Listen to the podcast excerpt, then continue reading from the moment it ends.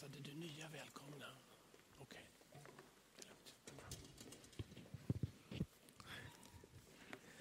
God förmiddag allesammans. Innan jag predikar, låt mig bara eh, ta en annan, lägga till en liten sak till missionskonferensen om två veckor och, och söndagen, världens festgudstjänst. Är det någon som kommer ihåg att jag har predikat i shorts en gång? Eh, det får man i de, inte i de flesta länder, men jag gjorde det en gång. Det var lädershorts. Precis, och det var precis för ett år sedan när vi hade världens festgudstjänst. Eh, de där shortsen och den inbjudan, det är en uppmuntran till alla alla som vill klä sig färggrant, alla som har en, nation, en, en folkdräkt hemma, alla som har kläder från en annan nation eller som vill hänga en flagga över axlarna det land som du kommer ifrån. Gör det den, den söndagen om två veckor. Eh, och eh, vill du att vi, vi har tänkt att vi ska ha en buffé efter gudstjänsten. En buffé som gärna får både maträtter från hela landet. Det är tillräckligt stort och skiftar också. Vi har haft kroppkakor och allt möjligt och palt har vi också haft, pitepalt. Eh, men också mat från olika länder. Ta gärna med, eh, precis som två veckor, till världens festgudstjänst. Du måste naturligtvis ta med maten helst innan, lämna in den i församlingsvåningen. Och den kan inte tillagas där. Vi har begräns, begränsade möjligheter. Den måste tillagas hemma. Så du får välja om det ska vara kallskuret eller lite halvvarmt. Men eh, det tar ett par timmar innan vi äter den. Så nu vet ni om det. Om två veckor, laga mat, klä mig färggrant eller komma som jag är. Hur som helst. Men en del av oss, vi är ju i shorts nästan hela tiden. Så det är ju att komma som man är. Så. Eh, det var väl det. Känns det bra? Jajamän! ja, vad bra. Ehm, då ska jag vända mig till Guds ord. Enkel titel på det här budskapet. Jesus har makt. Amen. De har precis farit över sjön nattetid i en storm. Vilka var de? Det var män och kvinnor. Det var de tolv lärjungarna och det var andra som följde Jesus.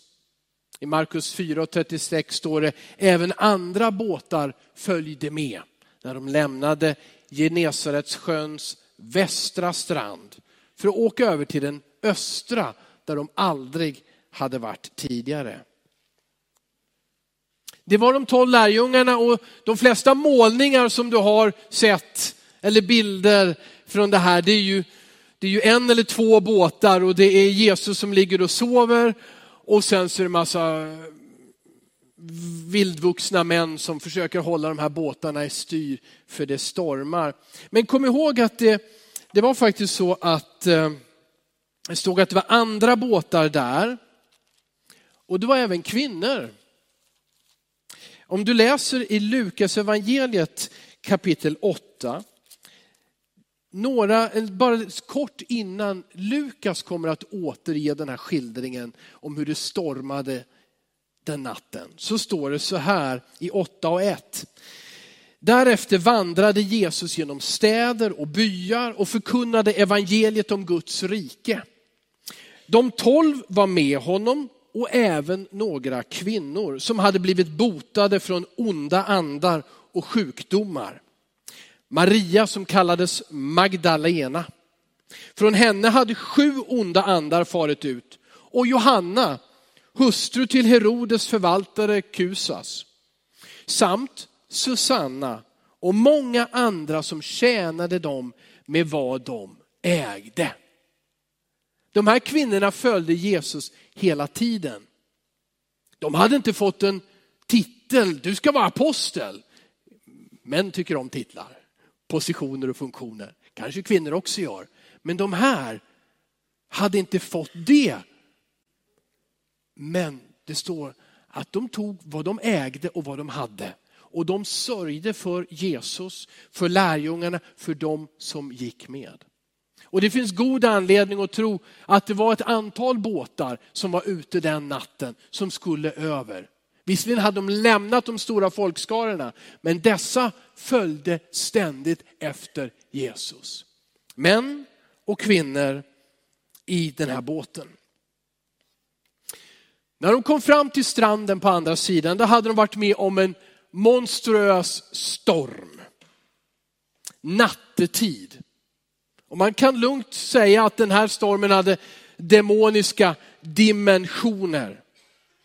Jesus hade använt samma ordval som när han kastade ut en ond ande ur en man i synagogan.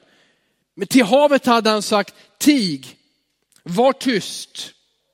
Då la sig vinden och det blev alldeles stilla.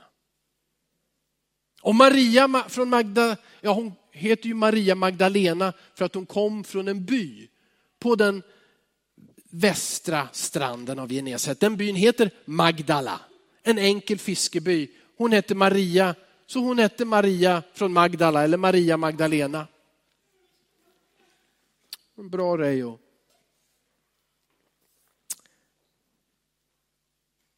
Hon hade suttit i den där båten, upplevt den där stormen.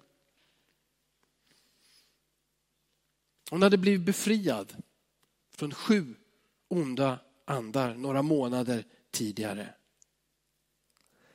De hade varit rädda i båten. De hade varit fruktansvärt rädda. Det var natt, det stormade och Jesus hade sovit.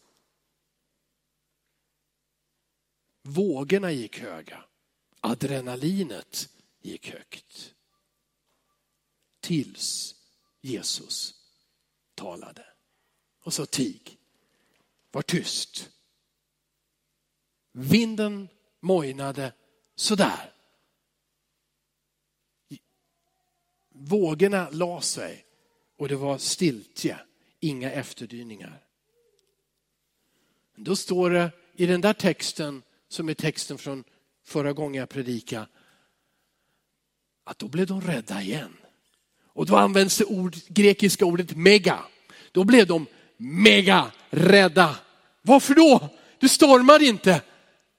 Ja men det är självklart. Aldrig någonsin hade en människa ställt sig upp i en båt mitt i en storm och sagt, tig, var stilla. Vinden la sig, vågorna försvann. De blev rädda för mannen i båten och för den makt han besitter.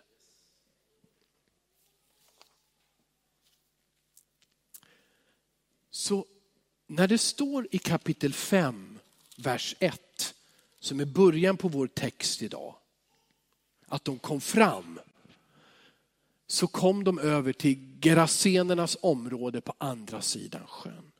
Då är det möjligt att det fortfarande var natt. Eller att det var gryningsljus. Ska vi titta på en karta? Bara så att ni får lite koll. Tyvärr så är den liten. Ehm, då har du Medelhavet där ute till vänster. Och så längs kusten då så har du idag Israel och, och i söder Palestina, i, i, ännu mer söderöver och så i norr Syrien. Det finns en liten sjö där uppe i norr. Jordan kommer ner strax söder om berget Hermon. Och så kommer du till sjön Genesaret eller Galileiska sjön eller Tiberias sjön som den också kallas. Och den där lilla sjön, det handlar bara om kanske 10 till högst 13 kilometer som de hade seglat över. Men den ligger så lågt att det finns ingen annan sötvattensjö i världen som ligger lägre med drygt 200 meter under havsnivån. Det är bara döda havet som inte alls är en sötvattensjö utan absolut extremt salt som ligger lägre och dit rinner ju Jordanfloden. När man kommer över på det här andra området, alltså i höger i bild, så finns det tio städer där. De kallas för Decapolis. Det var romarna som år 63 när Pompeji kom och tog det här området. Och det fanns tio städer. Han gav dem en slags stadsstatliga rätter att styra sig själva. De var inte del av det judiska eller det herodiska kungariket till väster. Men till öster om floden Jordan ligger de här städerna. Allra längst upp, Damaskus, känner ni igen än idag. Längst ner i söder, Philadelphia är också en stad som finns idag, men den heter Amman och är huvudstaden i Jordan. Och så mellan det så finns det några städer. Dit kom de. Läkarna, äh, lärjungarna, lärjungarna, de hade nog trott så här kvällen, tidigare på kvällen. Oh, Jesus vill att vi ska åka över på andra sidan så det får bli lite lugnt och ro. För det var så mycket skaror av människor som ville bli helade och röra Jesus och träffa honom och lyssna till honom. Och han sa låt oss fara över. Äntligen skulle det bli lite lugn och ro, men så blev det inte. Det blev den värsta storm, först och främst, som de har upplevt. Och så väl på andra sidan, nu, nu kan det väl bli lugnt. Jesus har stillat stormen. Vad bra att han har makt över naturen till och med. Men väl där, kanske i nattens mörker eller dimmigt gryningsljus, så möter dem allt annat än lugnt. Det står ingen välkomstkommitté på andra sidan. Istället så kommer de att möta de värsta människorna de någonsin har mött. Inom loppet av några timmar tror de att de ska dö på en stormande sjö. Och sen när de kommer över på andra sidan så möter de våldsamma människor, potentiella mördare av värsta sorten. Vad härligt det är att få följa Jesus. Det var lite ironiskt menat det här. Inom loppet av ett par timmar där de följer Jesus fruktar de flera gånger för sina liv. De hade mött naturens makt, men Jesus betvingade dem. Nu var de fortfarande omskakade. Nu skulle de möta andliga, mörka, destruktiva och mordiska makter. Den här berättelsen som följer i kapitel 5 och som jag alldeles strax ska läsa är unik.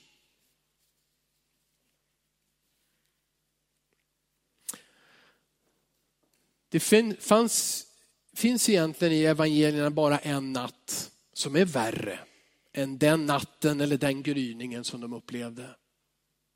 Det var kanske ett par år senare eller något år senare, den natten då de grep Jesus.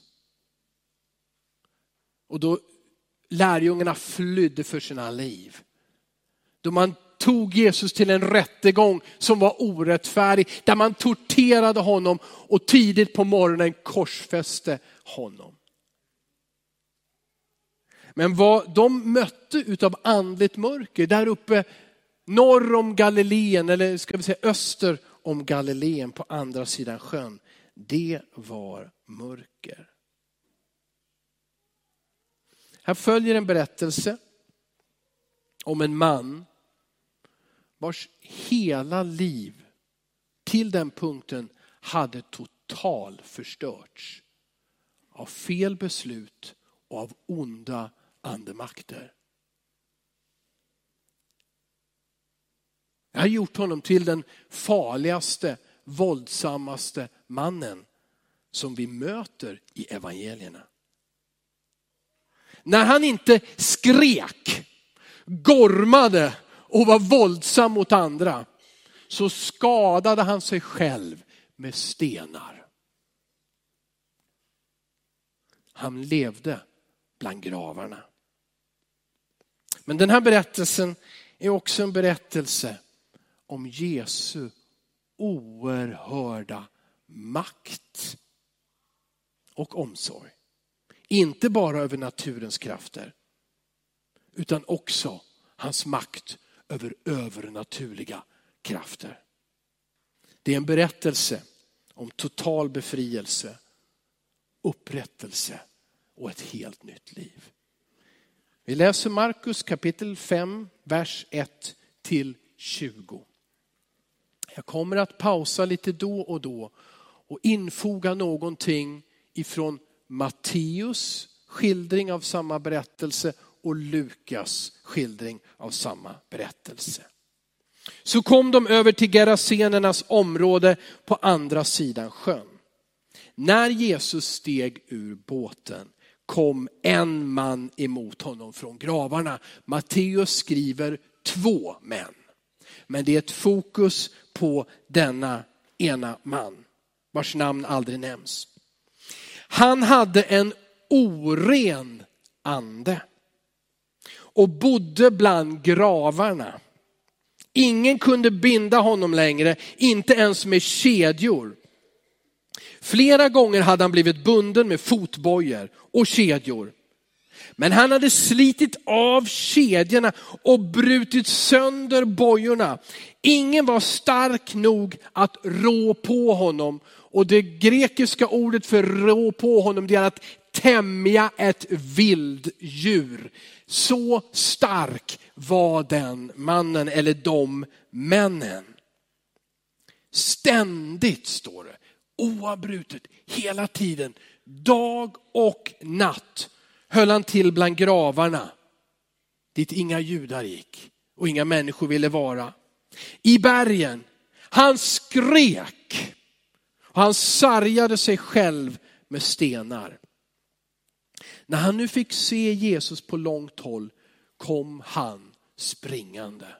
Jag tänker inte illustrera för er vad det var. De kommer från ett stormigt hav eller en sjö som var extremt stormig. Det har lugnat sig. Äntligen ska det bli lite lugn och ro.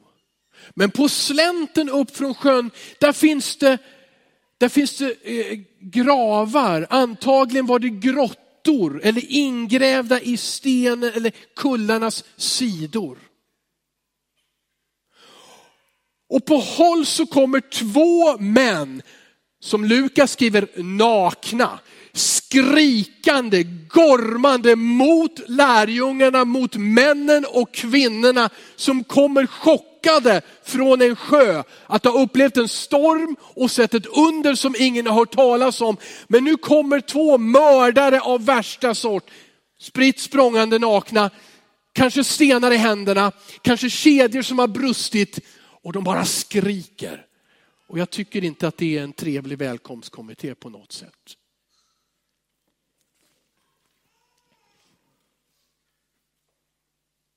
Men det står, de kom springande, så sker någonting helt överraskande. De föll ner, eller han föll ner för Jesus och skrek högt. Vad har du med mig att göra? Jesus, den högste Gudens son. Lova mig inför Gud att du inte plågar mig. Ordet för att plåga här, det är att tortera. Och det är demonen, det är den onda anden som talar igenom mannen. För det står sen i vers 8, 8 Jesus hade nämligen just sagt till honom, du orena ande, far ut ur mannen. Nu frågade han honom, alltså Jesus frågade honom, vad är ditt namn? Mannen svarade, mitt namn är legion, för vi är många. Och det är många. En romersk legion, det här är ju inte ett namn, det här är ett militärbegrepp, en enhet av soldater. En legion är allt ifrån 4 000 till antagligen 6 000 soldater. 6 000 man. Vi har mött Jesus och han har kastat ut onda andar ur människor. Men här talar vi om en eller två människor som har tusentals andar i sig. Människorna var dödsförskräckta. Det står i Matteus att de var våldsamma, så våldsamma att ingen kunde ta den vägen. Vers 10. Han bad gång på gång att Jesus inte skulle driva bort dem från området. Eller som Lukas skriver, att han inte skulle driva ner dem i avgrunden. Där gick en stor svinjord och betade vid berget. Andarna bad honom, skicka oss till svinen så att vi kan fara in i dem. Det tillät han. De orena andarna for ut ur mannen och in i svinen och jorden rusade ut för branten ner i sjön. Det var ungefär 2000 svin som drunknade i sjön. Där ser du hur tusentals andar lämnar denna plågade människa och far in i ungefär 2000 svin. De som vaktade dem flydde och berättade om det i staden och ute på landet och man gick för att se vad som hade hänt. När de kom fram till Jesus och såg den besatte som hade, hade, haft, som hade haft legionen sitta där klädd och vid sina sinnen blev de rädda. Ni känner igen lite grann som lärjungarna och människorna i båtarna. Jesus stilla stormen och de blev rädda. En besatt man blir befriad och sitter där som vem som helst. Lugn och stilla, påklädd, normal. Men de blev rädda. De som var ögonvittnen berättade för folket vad som hade hänt med den besatte och med svinen. Då bad de att Jesus skulle lämna deras område. När han steg i båten bad mannen som hade varit besatt om att få följa med honom. Men Jesus lät honom inte göra det utan sa, gå hem till de dina och berätta för dem om allt som Herren har gjort med dig och hur han har förbarmat sig över dig. Då gick mannen och började ropa ut över hela Dekapolis allt som Jesus hade gjort med honom och alla var förundrade.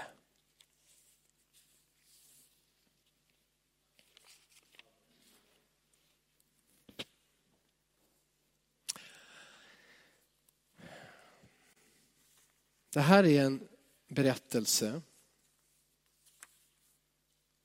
om makt och om kraft. Det är en berättelse om onda andars destruktiva makt. Och det är ju otäckt för oss och känns för de allra flesta av oss rätt så främmande. Det är en berättelse om Jesu befriande makt. Att hela, upprätta en människa som har varit bunden. Men det är också, alldeles där på slutet, en berättelse om syndens makt att förblinda människor. Det första, ondarnas, de onda andarnas destruktiva makt. Bibeln säger att Guds fiende nummer ett är Satan. Han kallas för djävulen, han kallas för den onde, han kallas för Lucifer. Jesus talar om honom i Johannes 10 och 10 och kallar honom för tjuven. Tjuven som har kommit för att stjäla, slakta och förgöra. Jesus säger själv har jag kommit för att ge liv och ge liv i överflöd. Djävulen har bara ett syfte, att förstöra allt som Gud gör. Gud bygger upp, Satan vill riva ner. Gud säger gå, Satan säger stanna. Gud säger var fri och Satan gör dig bunden. Han vill hela tiden förstöra det som Gud vill göra han, djävulen, tillsammans med onda andar var en gång i tiden änglar. Änglar som reste sig mot Gud i en revolt, en rebellion, vände sig mot honom. En tredjedel av alla himmelens änglar. Det står att Gud kastade ner dem på jorden, några kastade han ner i en avgrund. Och de har bara detta enda syfte. Att ständigt stå emot Gud och allt han gör. Och de slår alltid till mot den svagaste länken. Guds skapelse, människor och ofta våra relationer till Gud och till varandra. Det enda som väntar de här onda andarna är en dom och enligt uppenbarelseboken en evigt brinnande sjö. De är dömda, de blir dömda, de kommer aldrig, de kommer inte att få fortsätta det de gör. Men här, i denna tid, är de fortfarande fria.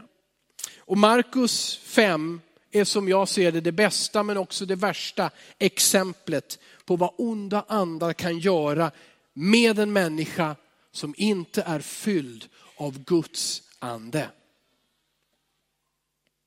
Som vi läste, de var våldsamma mot andra människor. Och när de inte var det så var de våldsamma mot sig själva. Skar sig själva med stenar.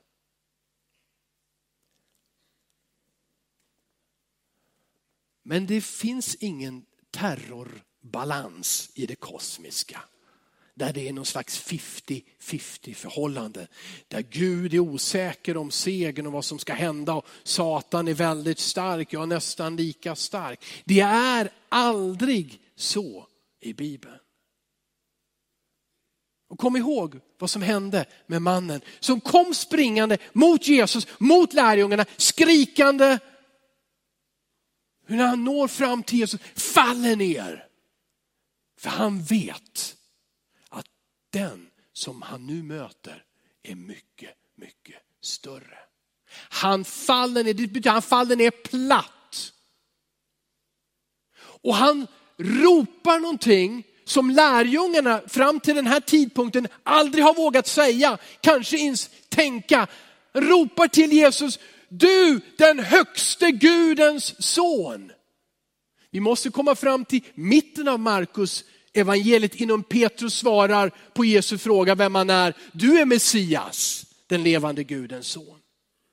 Hedningar, inte förrän vid korset, så finns det en romersk officer som erkänner och ser och bekänner i det ögonblick Jesus dör och templet eller ja, bergen rämnar och förlåten i templet rämnar, så säger han, den mannen var sannerligen Guds son. Men inte så här tidigt, det är bara de onda andemakterna och de skriker, du är Guds son och Jesus förbjuder dem att tala. Det står också att Jesus tillät dem. De bad Jesus, skicka oss inte ner i avgrunden för det är deras väg till domen. I Matteus evangeliet så står det att de skrek, varför har du kommit i förtid? För de onda andemakterna, de vet att på dem väntar bara en dom. De ska dömas, de ska ner i avgrunden och sen ska de ner i den sjö som alltid brinner. De visste det. Så de frågar, varför kommer du för tidigt Jesus? De blir förvirrade. Så de ber honom, skicka oss in till avgrunden, skicka oss in i de där svinen. Och det står att Jesus tillät det. Det är tydligt och klart vem som har makten. Inte en arg man med stenar i sina händer. Inte ens om det bor 6000 demoner i honom. Det finns bara en som har makten och han heter Jesus Kristus. Han stillade en storm, han har makt över naturen. Han står emot djävulen och alla hans demoner. Detta är ingen saga. Skaka om mig någon. Ta tag i mig. Säg till mig Carl Wilhelm, människor går förlorade om de inte möter och tar emot Jesus. Satan kan förstöra en människa, binda och frustrera alla försök till befrielse, till hälsa. Men Jesus, ett möte med Jesus, det handlar om någon minut. Ett enda möte med Jesus. En storm lägger sig och en människa är fri att sitta ner i kyrkan och vara som alla andra. Påklädd, förväntansfull, längtande att leva livet. Börja fundera, var var det jag kom ifrån? Jag kommer inte ihåg, det var så länge sedan. Men oh, jag vet var jag föddes. Jag vet att jag har familj. Men jag kan inte gå tillbaka dit.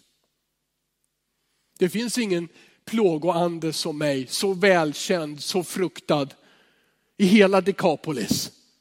Jag är den värsta av alla. Jesus, honom skulle jag vilja följa. Jesus, låt mig följa dig. Uttrycken är samma som lärjungarna. I princip så säger han, låt mig bli din lärjunge. Låt mig få lämna den här platsen där jag har förstört allting. Där människor har varit rädda för mig. Där alla vet precis vad jag har gjort. Hur många människor jag har skadat. Låt mig gå med dig.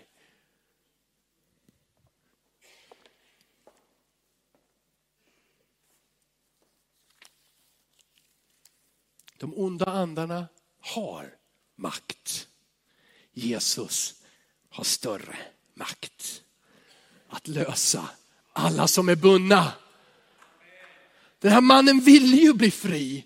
Jag vill inte tjata om detta med stenarna men av någon anledning så slog han sig själv, plågade han sig själv. Var det när han hade tillfällen då demonerna inte härjade och han bara, jag vill bli fri från de här. Människor hade bundit honom med kedjor. Och jag fattar inte hur stark han var. Men han hade brutit, han hade brutit sig ur de där kedjorna och ändå så blev han aldrig fri. Det fanns ingen medicin, det fanns ingen hjälp, det fanns ingen som kunde hjälpa den mannen tills han mötte Jesus. Och då fick han det som Johan läste i begynnelsen av gudstjänsten i begynnelsen, i början. Frid ger jag er. Då fick han frid. Fick han gå påklädd för första gången, sitta ner. Han var inte rastlös längre, han, han hade frid.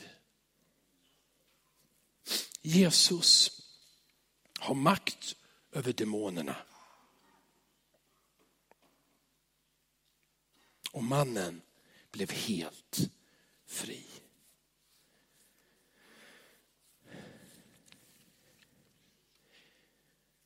Till avslutning, den sista punkten. För det sker saker sen, det sker så mycket saker, jag kan inte förklara alla, det, det, det hinner vi inte med. Men det, det är liksom överraskningar hit och dit. Men jag vill tala om den sista punkten som är syndens makt att förblinda.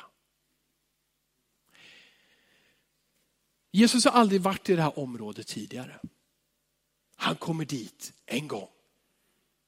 Alla känner till dessa fruktansvärda män som levde i gravarna. Ingen vågade gå dit, ingen kunde gå dit. Herdarna ser det, springer och hämtar stadens befolkning och folket från landet runt omkring. De kommer dit. Matteus skriver, hela staden kom ut för att se. De ser här sitter en kille som är precis en av oss, men vi vet, och det står ögonvittnen berättade vad som hade hänt med mannen. Alla visste. Varenda demon har lämnat honom för 2000 grisar sprang ner i sjön. Vi vet att alla lämnade dem. Han är fri. Och säg, alltså, om det sker ett sånt under, då skulle väl alla tro, eller hur? Alla borde säga, Jesus, tack för att du kom över sjön. Vad underbart! Stanna här, predika här, befria människor här. Vi ska hämta de sjuka från alla platser, precis som där borta på andra sidan sjön. Vi behöver bli fria, vi behöver dig Jesus. Kom, stanna alltid. Nej, de säger, de bad honom att ge sig av därifrån.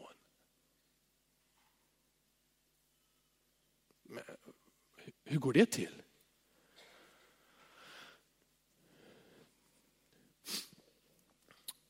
Andra Korinthierbrevet 4 och 4 säger att denna världens Gud, och då talar han om Satan, den onde, har förblindat människorna så att de inte ser ljuset från evangeliet. Andra Korinthierbrevet 4 och 4. Synden har makt att göra oss blinda. Till och med om Jesus står i rummet och befriar.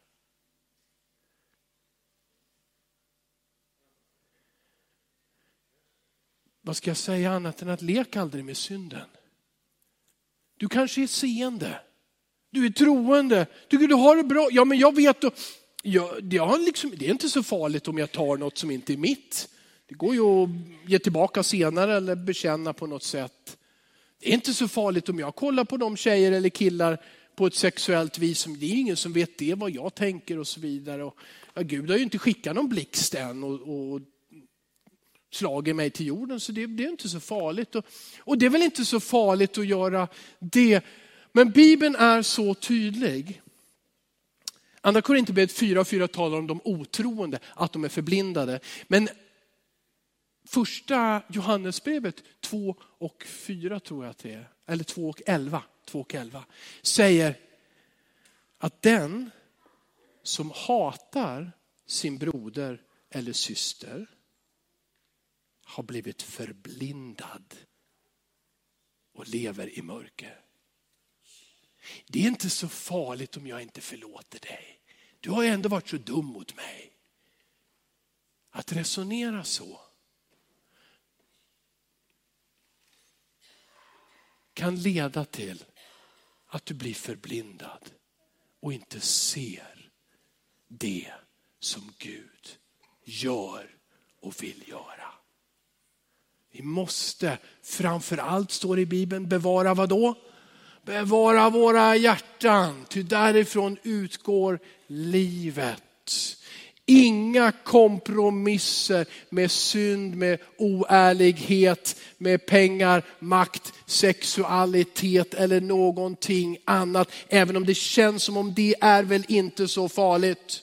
Hur långt kan jag förresten gå innan det blir fel?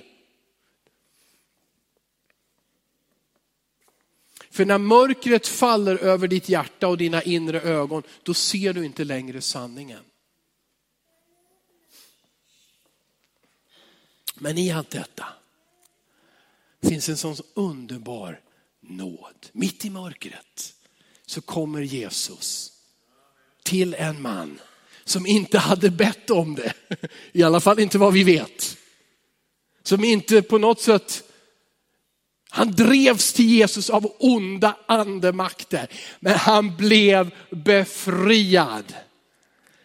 Och det står att Jesus sa, istället för att du ska följa mig, gå hem till de dina och berätta för dem om allt som Herren har gjort med dig och hur han har förbarmat sig över dig. Hur du har fått nåd. Ja, här måste man ju tänka till. Vad är det Jesus gör? Vad, vad, vad, har den här mannen för utbildning? Hur många predikningar har han hunnit höra utav Jesus? Inte en enda vad jag vet. Vilken bibelskola har han hunnit gå i? Vad har han lärt sig att tala inför människor och, och sköta sig? Och, och, och, ja. Ingenstans. Han har det som behövs för att bli en pionjärmission i sitt, missionär i sitt eget land. Vad är det han har? Han har ett förvandlat liv efter ett möte med Jesus. Det är allt du behöver i Jesu ögon. Ett möte med Jesus som förvandlar, där du vet jag har fått nåden till ett förvandlat och befriat liv. Och det står inte att han stannade hemma, utan han började ropa ut över hela Dekapolis, allt som Jesus gjort med honom och alla var förundrade. Tio stycken städer berördes av en man som hade varit galen, sjuk, perverterad. Men han mötte Jesus som befriade honom, upprättade honom och sände honom.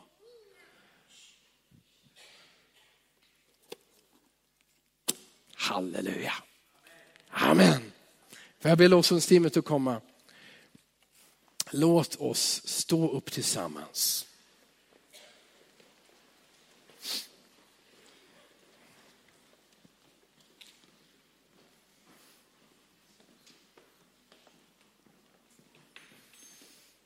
Jesus är ingen påhittad historia.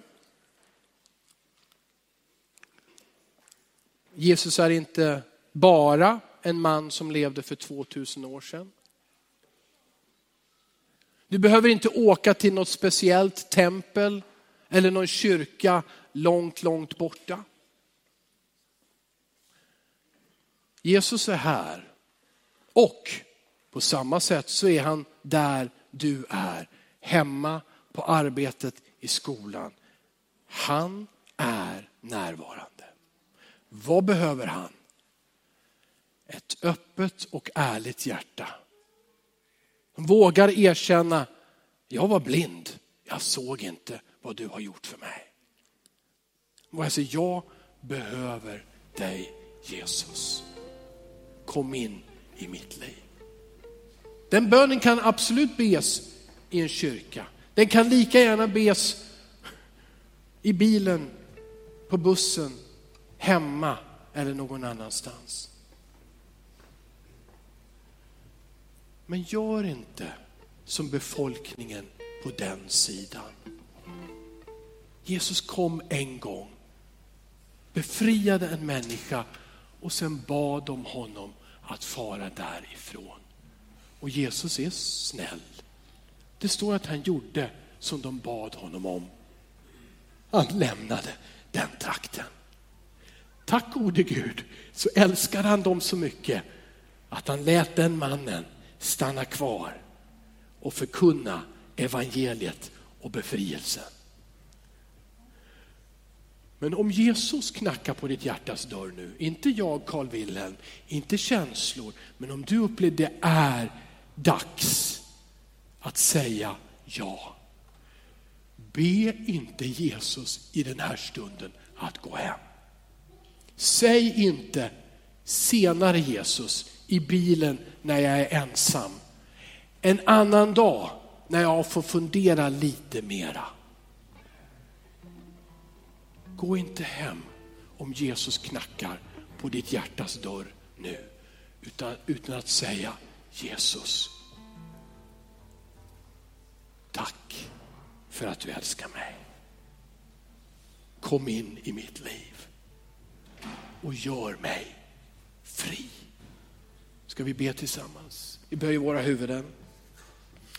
Fader i himlen, jag tackar dig i Jesu namn för den kärlek som du har gett och ger till oss och till varje människa. Jag tackar dig Jesus för att du aldrig tvekade att möta ondskan och våldet. Se det i ögonen för att du såg mannen, männen och du ville befria dem Jesus Kristus. Jag tackar dig för att du gick ännu längre. Du gick i döden för vår skull. För att vi verkligen ska få bli befriade ifrån dödens makt, ifrån syndens makt. Jesus, du har makt. Du har makt över skapelsen och du har också makt över den onda andevärlden och du har makt över synden. Du kan göra våra inre ögon seende igen. Du kan göra våra bundna hjärtan fria. Du kan fylla oss med din kärlek och med din heliga ande. Och vi välkomnar dig. Jag ber dig för mig, för oss alla. Kom Herre Jesus Kristus. Herre, Herre Jesus. Tack för din kärlek. Tack för att du är här. I Jesu namn. Amen. Amen. låt oss tillsammans med lovsångsteamet vara i bön, vara i lovsång. Du har lyssnat till en predikan i Pingstkyrkan i Eskilstuna. Om du vill höra den igen eller höra andra predikningar eller se, då finns vi på TV Eskilstuna och vi finns på Youtube där du hittar oss under eh, Pingstkyrkan Eskilstuna. Du kan också klicka på prenumeration om du vill veta när nya predikningar läggs ut. Alla är välkomna hit. Du är varmt välkommen att eh, kontakta oss eller besöka ett av våra möten eller kyrkan.